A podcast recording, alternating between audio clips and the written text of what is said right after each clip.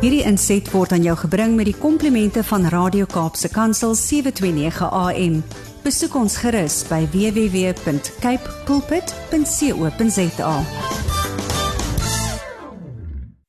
Luisteraars, ek is Marita Martins en wat 'n heerlike voorreg om vandag met jou te kan gesels oor die bring van kloutjie by die oor of die volle boodskap van die nuwe lewe. Ons tema is die volle boodskap van die nuwe lewe en hoe om die kloutjie by die oor te bring. Toe die apostels die taak waarvoor Jesus hulle geroep en opgelei het na Christus se hemelvaart en die uitstorting van die Heilige Gees begin uitvoer het, was daar 'n opskudding in Jerusalem. Daar's ook 'n ononderhandelbare opdrag uit die hemel aan die verkondigers van die evangelie van Jesus Christus gegee. Ons lees van die opskudding in Handelinge 5. Handelinge 5 vers 16 tot 19. Daar het ook baie mense van die dorpe in die omgewing van Jerusalem afgekom en siekes gebring en mense wat onder onrein geeste gelei het. Hulle is almal gesond gemaak. Die hoofpriester en al die ondersteuners, sy ondersteuners wat aan die party van die Fariseërs behoort het, is met afguns vervul en het besluit om in te gryp. Hulle het die apostels oop en bloot laat vang en in die tronk gestop.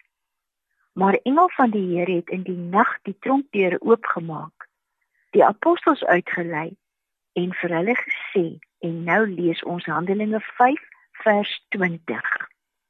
Gaan staan in die tempel en verkondig aan die volk die volle boodskap van hierdie nuwe lewe. Ons luister weer na die opdrag uit die hemel want dit sal tot die wederkoms van die Here die opdrag aan elke gelowige wees. Tot die wederkoms van Jesus sal dit die opdrag aan elke leraar, elke verbondouer, elke egpaar, ja aan elke Christen wees. Handelinge 5:20. Verkondig aan die volk die volle boodskap van hierdie nuwe lewe. Die woord van die Here bevat die volle boodskap van hierdie nuwe lewe. Ons het dit al so dikwels gehoor en in Titus 2 vers 11 tot 15 vind ons 'n wonderlike samevatting daarvan. Dit is 2 vers 11. Die genade van God wat verlossing bring, het immers aan alle mense verskyn. Wat beteken dit? Die volle boodskap van hierdie nuwe lewe begin by die genade van God. Hy het sy seun gestuur sodat elkeen wat die naam van Jesus as enigste redder aan aanroep, gered kan word. Die volle boodskap begin by Jesus as die sondelose seun van God, as die een wat die doodstraf in ons plek ontvang en uitgedien het, en by die vergifnis van al ons sonde en oortredinge op grond van wat hy vir ons gedoen het. Dit is die innerlike en magtige sekerheid en oortuiging van die geloof. Hierdie deel van die volle boodskap van die geloof en van nuwe lewe is gratis en onverdiend. Die vryspraak wat ons ontvang het, is die vryspraak van goddelike ontferming. Johannes die Doper moes vryspraak en vergifnis verkondig. Jesus het dit oor en oor vir ons uitgespel. Paulus skryf oor onverdiende vergifnis en vryspraak. Romeine 3 vers 20 tot 22. Geen mens sal op grond van wetsonderhouding deur God vrygespreek word nie. Inteendeel, deur die wet leer 'n mens wat sonde is, maar nou het die vryspraak deur God waarvan die wet en die profete getuig en werking getree. Dit is die vryspraak wat nie verkry word deur die wet te onderhou nie, maar deur in Jesus Christus te glo. God gee dit sonder onderskeid aan almal wat glo. Deel 2 van die volle boodskap van hierdie nuwe lewe lees ons ook in Titus 2. Want dit bevat die volgende gedeelte van 'n veelkantige boodskap. Titus 2 vers 12. Dit, hierdie boodskap, hierdie vryspraak, hierdie vergifnis van sonde, hierdie werking van God in ons, voed ons op hierdie werking van God ook vir ons. Voed ons op om die goddelose leefwyse en wêreldse begeerlikhede te laat vaar en met selfbeheersing, opregtheid en godsvrug in die teenswoordige wêreld te lewe. Die volle boodskap van hierdie nuwe lewe is dat sondaars nie net deur die lyding, kruisdood en wonde van Jesus vergifnis en vryspraak ontvang het nie, maar ook 'n nuwe lewe. dat elkeen deur die woord en gees geestelik weergebore word sodat ons God in die diepste betekenis van die woord Vader kan noem. Die volle boodskap van hierdie nuwe lewe is dat ons eers met die melk van die woord gevoed word. Dat die Heilige Gees ons versorg sodat ons kan opgroei en geestelik al hoe sterker kan word. Eers babas, dan kleuters, dan kinders, dan tieners, dan volwassenes in die geloof, maar nooit volwasse en volkome genoeg om volleerd te wees nie. Die volle boodskap van evangelie is dat ons net in die krag van die Gees met die goddelose leefwyse en wêreldse begeerlikhede wat die duiwel ook aan Jesus kom voorhou het, kan breek. Dat net die Gees ons met selfbeheersing, opregtheid en godsvrug in hierdie bose wêreld kan val. Die nuwe lewe, die goeie vrugte van toenemende Christusgelykvormigheid is die sigbare, hoorbare, voelbare, herkenbare manifestasie van die innerlike en magtige sekerheid en oortuiging dat die genade van God wat verlossing bring, verniet, ongevraagd en uit genade aan alle mense verskyn het, ook aan my, ook aan jou. En dat baie dinge in my lewe op die vryspraak en die vergifnis van ons sondes van die verlede, hede en toekoms volg. Kom ons lees dit is 3 vers 5 nou as geheel. Dit is 3 vers 5. Hy het ons verlos nie op grond van iets wat ons vir ons vryspraak gedoen het nie, maar op grond van sy eie ontferming. Dit het hy gedoen deur die wedergeboorte wat die sonde afwas en deur die Heilige Gees wat nuwe lewe gee. Die volle boodskap van nuwe lewe is dus dat geloof 'n doenkant ook het, 'n leefkant. Dat geloof nie iets privaats is nie, maar dat ware geloof sigbaar, aanvoelbaar, voelbaar en dat kragtig is, dat goeie bome goeie vrugte dra, dat bome aan hulle vrugte geken word, dat enige mens kan sien, hoor en voel of 'n ander mens werklik in die geloof leef. Dat dit nodig is om telkens selfondersoek oor die wese van ons geloof te doen. 2 Korintiërs 13 vers 5.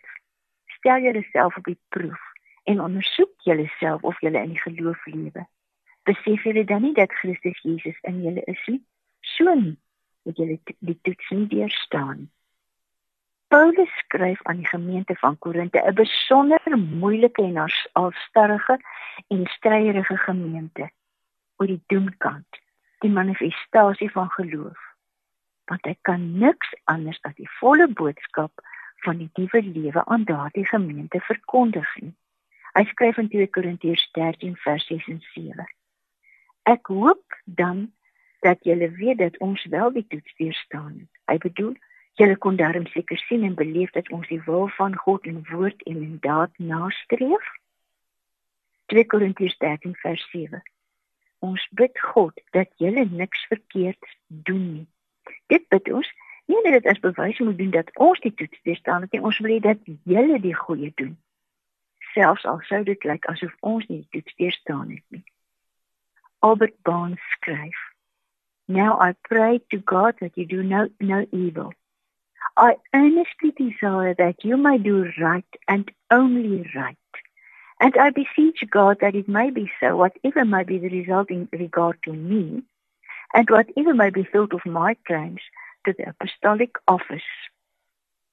Dit is vanweer die beklemtoning en ononderhandelbaarheid van die volle boodskap van die nuwe lewe dat daar so baie skrifgedeeltes oor die nuwe lewe in Christus en in die Nuwe Testament is as vervulling van die talle Ou Testamentiese profesieë.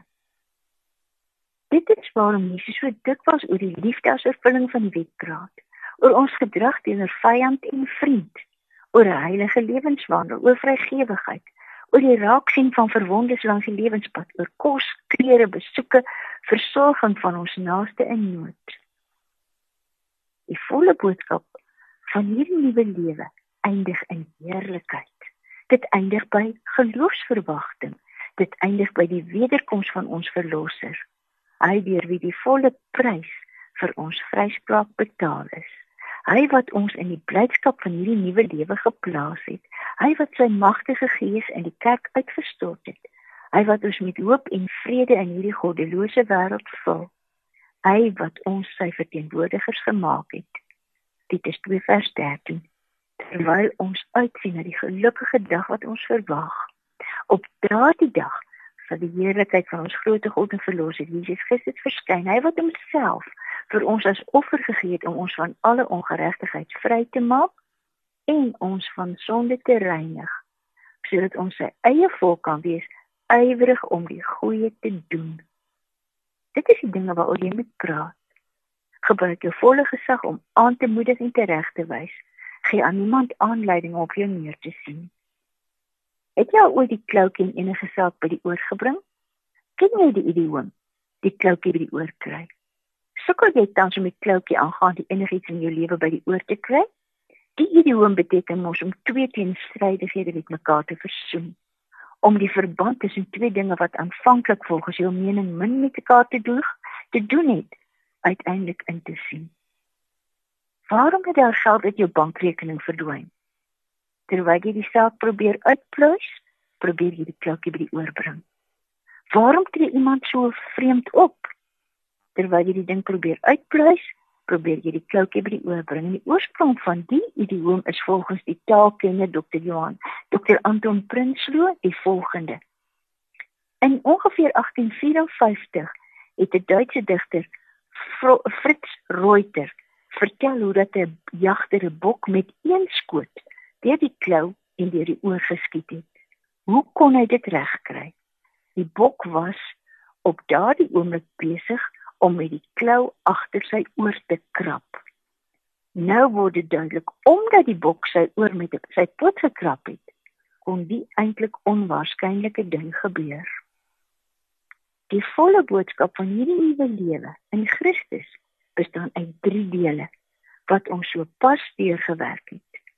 Hoe wonderlik om nou die kloutjie by die oor te kan bring om alles so volledig sin te sien maak, om te weet dit is die wonderlike nuwe lewe wat elkeen in Christus deelagtig word deur sy genade deur die Heilige Gees en in toekomsverwagting.